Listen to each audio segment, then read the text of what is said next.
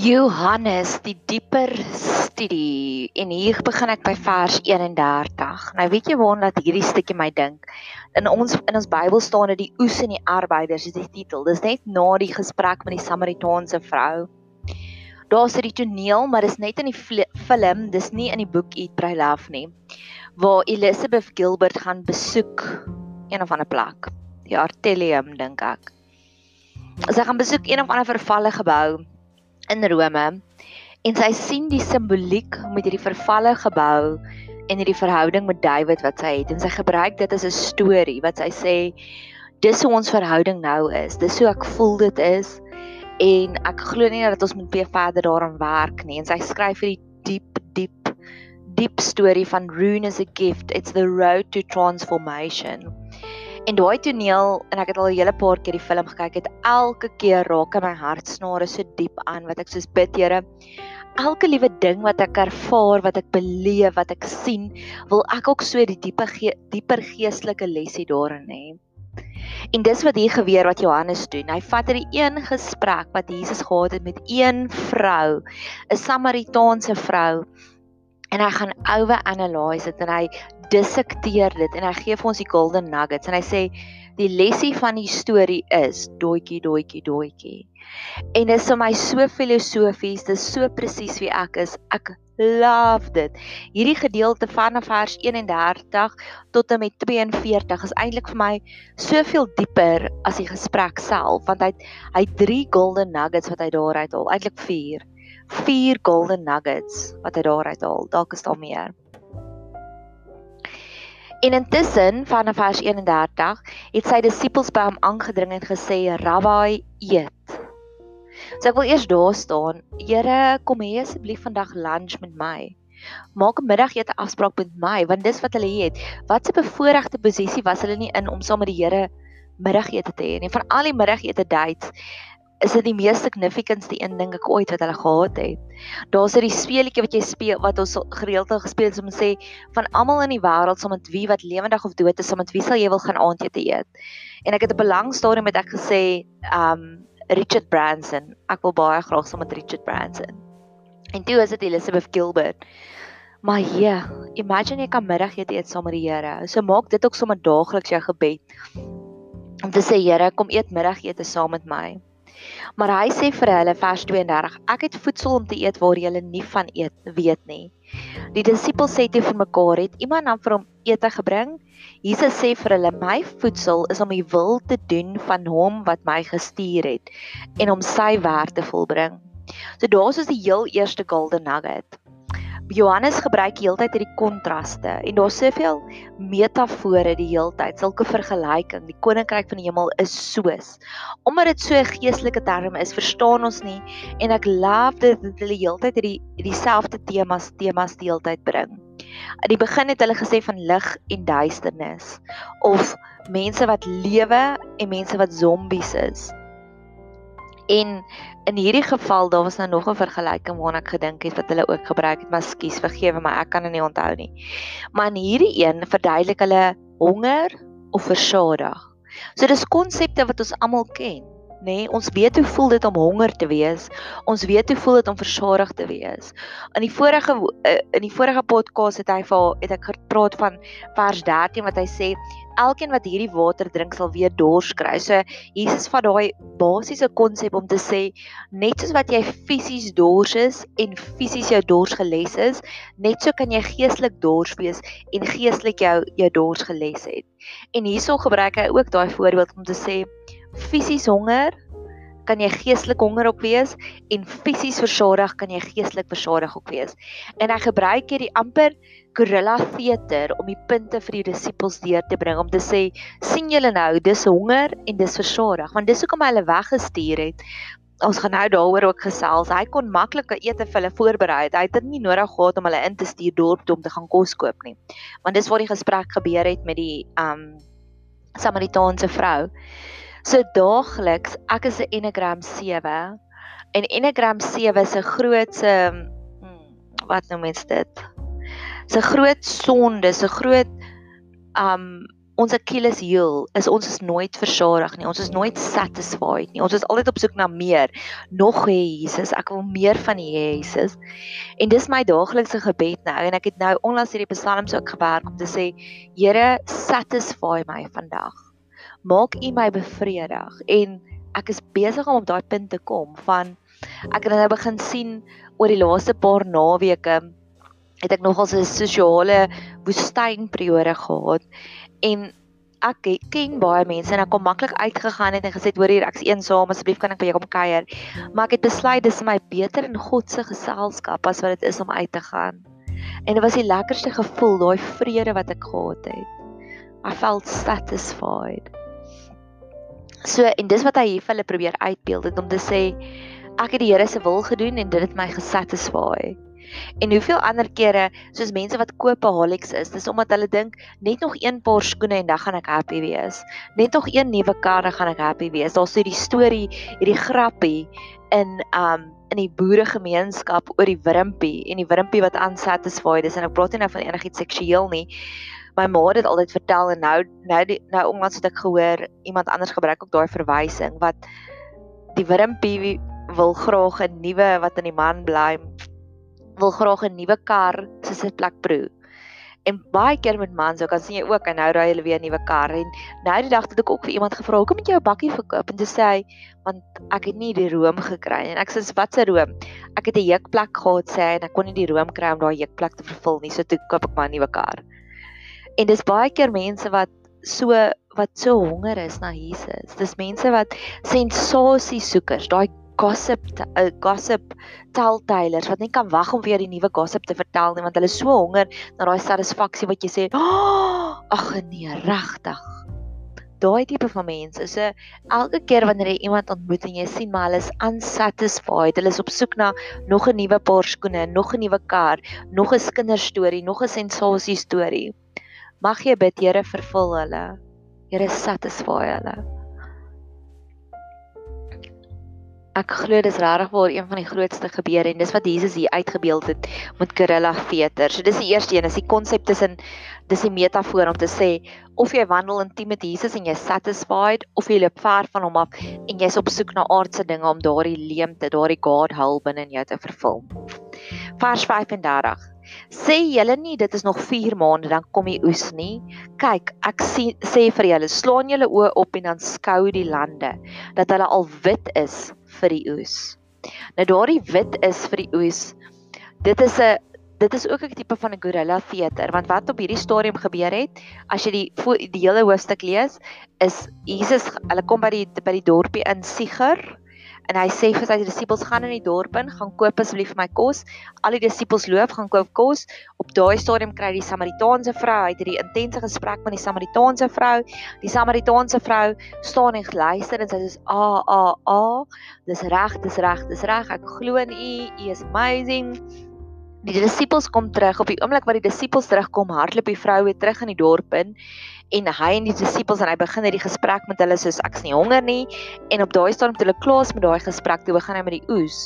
En op daai stadium kom die Samaritaanse vrou terug na die put toe met die hele dorpie wat agter haar aan hardloop.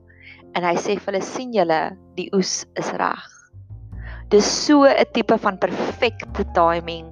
Dis gorilla theater en mag die Here vir ons daagliks daardie tipe van gorilla theater doen nê dat dit soos kragtige boodskappe is, kragtige preke. En hy wat maai ontvang die loon en vergader die vrug vir die ewige lewe sodat die saaier en die maaier bly kan wees. Want hierin is die woord waar die een wat saai, daar's een wat saai en die ander een wat maai. Ek het julle gestuur om te maai waar julle nie aan gewerk het nie. Ander het gewerk en julle het in hulle arbeid ingegaan. So in hierdie stukkie is daar twee punte wat baie uitstaan sodat die saaier vers 36 en die maaier bly kan wees. Met ander woorde wat hy sê is daar's een persoon wat gaan saaitjies plant en dan gaan daai persoon weg vir 4 maande en dan 4 maande later kom daar 'n ander persoon hy tel die blommetjies op of die koring of wat ook al en dan gaan verkoop hy dit. Maar Jesus sê op hierdie punt hy het dit verander. Daar sê die belofte in Amos 19 vers 13 wat dit ook sê, die saaier sal die maaier inhaal of die maaier sal die saaier inhaal. Met ander woorde, dink aan die prentjie van Jack and the Beanstalk. Onthou jy daai storie van hy plant die saadjie en dadelik begin hierdie boontjie rank te groei. En dadelik kan hy opklim en daar's boontjies en hy kan opklim en dis amazing. Dis die wat Jesus hier sê. Hy sê die saaier en die blaaier sal saam bly wees. Met ander woorde, dit sal een persoon wees. Dit sal dadelik gebeur. So daar's 'n tipe van onmiddellikheid, hierdie onmiddellike hierdie onmiddellike opbrengs wat jy gaan hê. En dalk is dit wat jy nodig het en jy kan hierdie belofte dan vat en quote is om te sê Here, ek wil vandag hiervoor bid, maar ek soek daai saaier en maaier wat die een persoon word wat dadelik die opbrengs het. Ek wil dadelik die verandering sien. En die tweede een wat hy hierso sê is um vers 38 Ek het julle gestuur om te maai waar julle nie aangewerk het nie. Met ander woorde, julle sal oes waar julle nie gesaai het nie. Julle sal die vrugte daarvan pluk sonder dat julle hard gewerk het daarin. En weer eens is 'n tipe van 'n gorilla veter want Jesus het fisies sy disippels weggestuur dat hulle iets anders gaan doen. En toe het hy hierdie lang grueling gesprek met die Samaritaanse vrou wat ons in die vorige een bespreek het. En net op die oomblik toe hulle terugkom, toe kon hulle begin oes. Toe kon hulle begin siele red vir die vir die koninkryk van God. Dis so amazing hierdie puntjie van hy het hulle weggestuur en toe hulle terugkom, toe is dit gereed. Dis vir my so 'n mooi eienskap van Jesus. Is Jesus doen al die harde werk. Ons kom met en ons kan dit geniet. En dalk is dit waar jy tans voel, jy voel ver weg van een persoon af. En geen nie om hoe wat jy doen om nader te kom aan hulle nie, hulle hulle bly harte bly toe. En rejoice dan jeug dan in daai oomblik om te besef maar Jesus is besig om met hulle te werk. Op die regte oomblik sal jy terugkom en jy sal net die vrugte daarvan afpluk. En die tweede ding wat ek ook wil sê is dalk is dit 'n besigheidskonsep wat jy ook hier kan invat.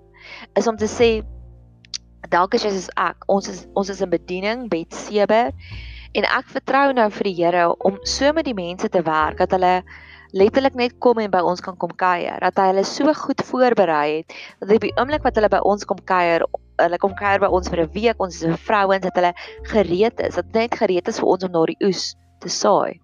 Of dalk is dit nog 'n besigheidskonsep om te sê ek is 'n Montigenis, dis my tentmakersbedryf. So dit onderhou my ministry dat ek kan 2 dae 'n week ministry werk doen soos ek nou doen is om te sê Here berei asseblief daai my die potensiële pasiënte se harte so voor dat hulle hierdie begeerte het om te kom om hulle tande te kom skoonmaak. Dis waarvoor ek die Here nou vertrou.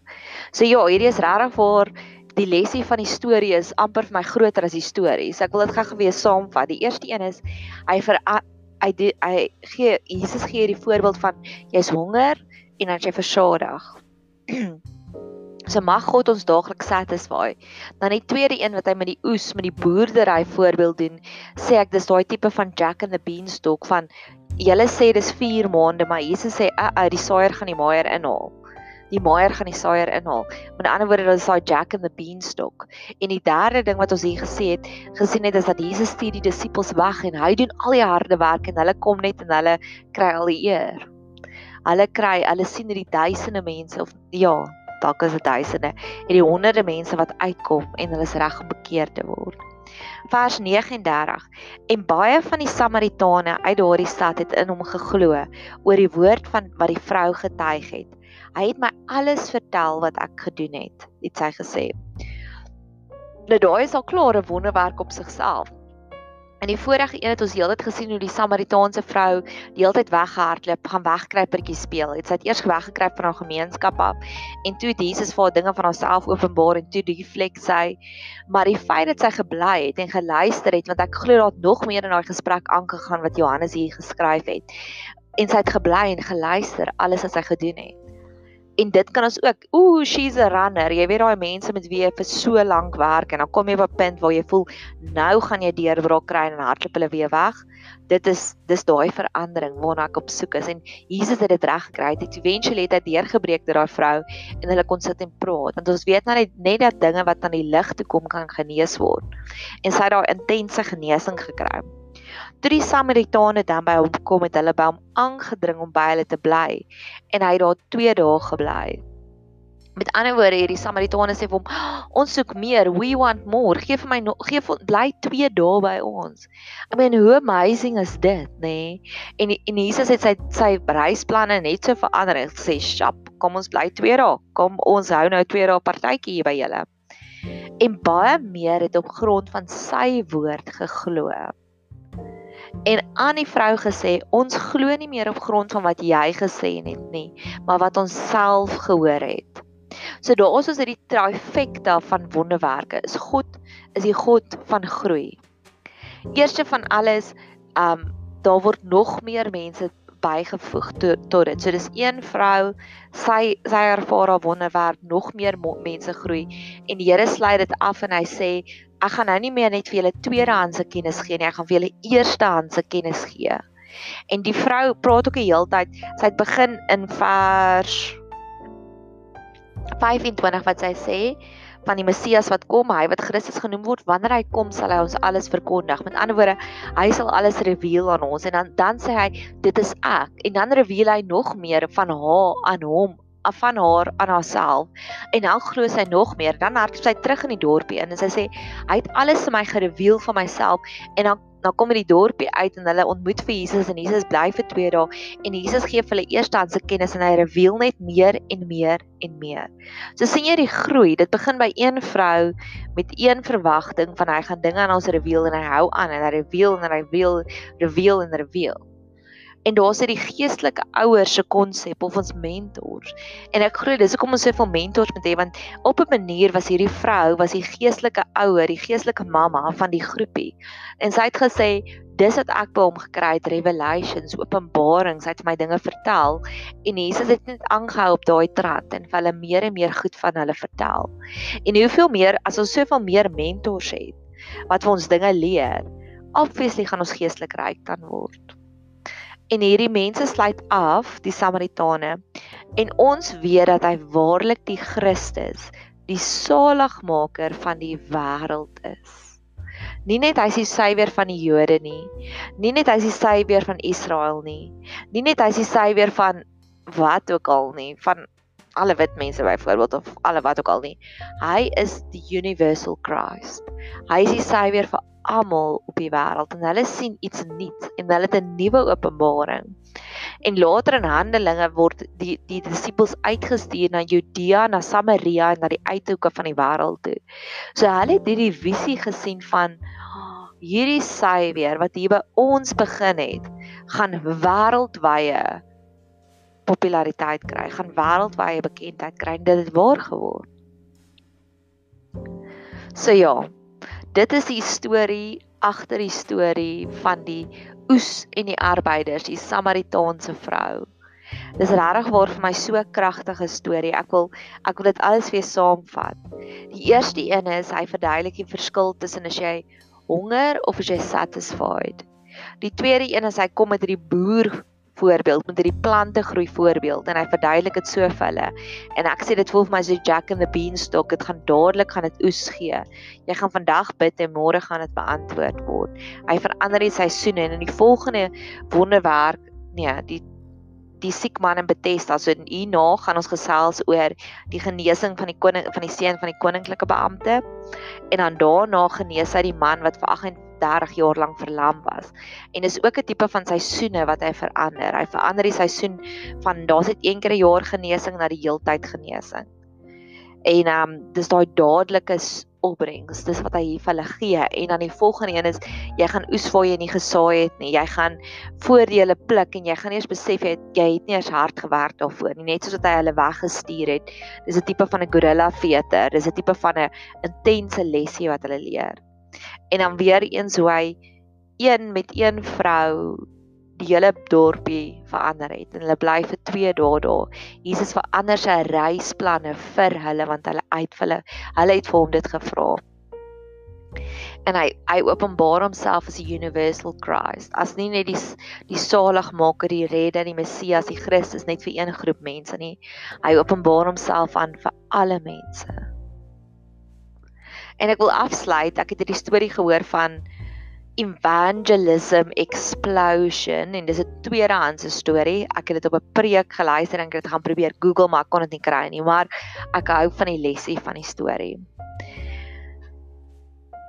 Twee setups word verduidelik van evangelisasie, van om vir mense te vertel van Jesus. Die eerste een is gestel jy die begroting, jy die geld om vir 35 jaar lank maandag tot saterdag, maandag tot sonderdag, 7 dae week oor die wêreld rond te reis. En elke aand vul jy 'n stadion van 50000 mense en jy preek vir hulle vir 35 jaar lank. En elke dag dan en elke aand het jy 'n altar call en jy sê goed, almal kom gee hulle hart vir die Here. En dan staan gewoonlik en ek kan dit nie onthou nie, kom ons sê 1000 mense wat bekeer elke aand en jy doen dit vir 35 jaar lank. Aan die einde van hierdie 35 jaar as jy 'n stoktyk sal vat. Elke dag, maandag tot Vrydag, 'n maandag tot Sondag, 'n stadion opvul van 50000 mense elke aand van daai 50000 mense 1000 mense bekeer na die 35 jaar sal jy slegter afwees as wat jy voordat jy begin het. Want oordat die hoeveelheid mense wat nuut gebore word, het jy 'n kleiner persentasie na die Here toe gedraai as voordat jy begin het. Na al daai intense harde werk. En dis wat Jesus hier probeer illustreer, hy maak die werk vir ons makliker. Versus as jy in jaar 1 een gesprek het met een persoon soos Jesus hier gehad het met die Samaritaanse vrou. En dan in jaar 2 gaan daardie een persoon wat jy bekeer het, gaan en vertel nog een persoon. En hy cascade so en dis daai tipe van explo um eksponensiële groei van jy vertel vir een mens, daai persoon vertel vir nog nog 'n mens en dan daai oh, iewers is my sommetjies nie reg nie en jy vertel vir nog 'n mens. So dan sit twee mense en dan daai twee mense gaan vertel vir vier mense en daai vier mense gaan vertel vir agt mense en so groei dit. Aan die einde van 35 jaar sal daar nie een persoon wees wat nie bekeer het nie. Met daai eksponensiële groei, en dis een gesprek wat jy het met een persoon. En daai persoon gaan aan en vertel vir nog mense en nog mense en nog mense. En dis wat Jesus gekom het, hy het ons werk vir ons makliker gemaak. Hy werk agter die gordyne sodat ons net kan kom en die fees kan vier. Mag jy daai konsep sien manifesteer in elke gedeelte van jou lewe. Dat Jesus het reeds die werk gedoen en al wat jy moet kom is om te kom oes. Jesus het reeds die tuin, dis so goed soos 'n tuin. Hy het die tuin geplant, vrugtebome versorg en al wat jy moet kom doen is net om in te kom en te sê ek soek daai perske, ek soek daai olyf en jy pluk dit en jy eet dit. Mag ons daardie tipe van Jesus ontmoet. Mag jy 'n super geseënde dag hê verder.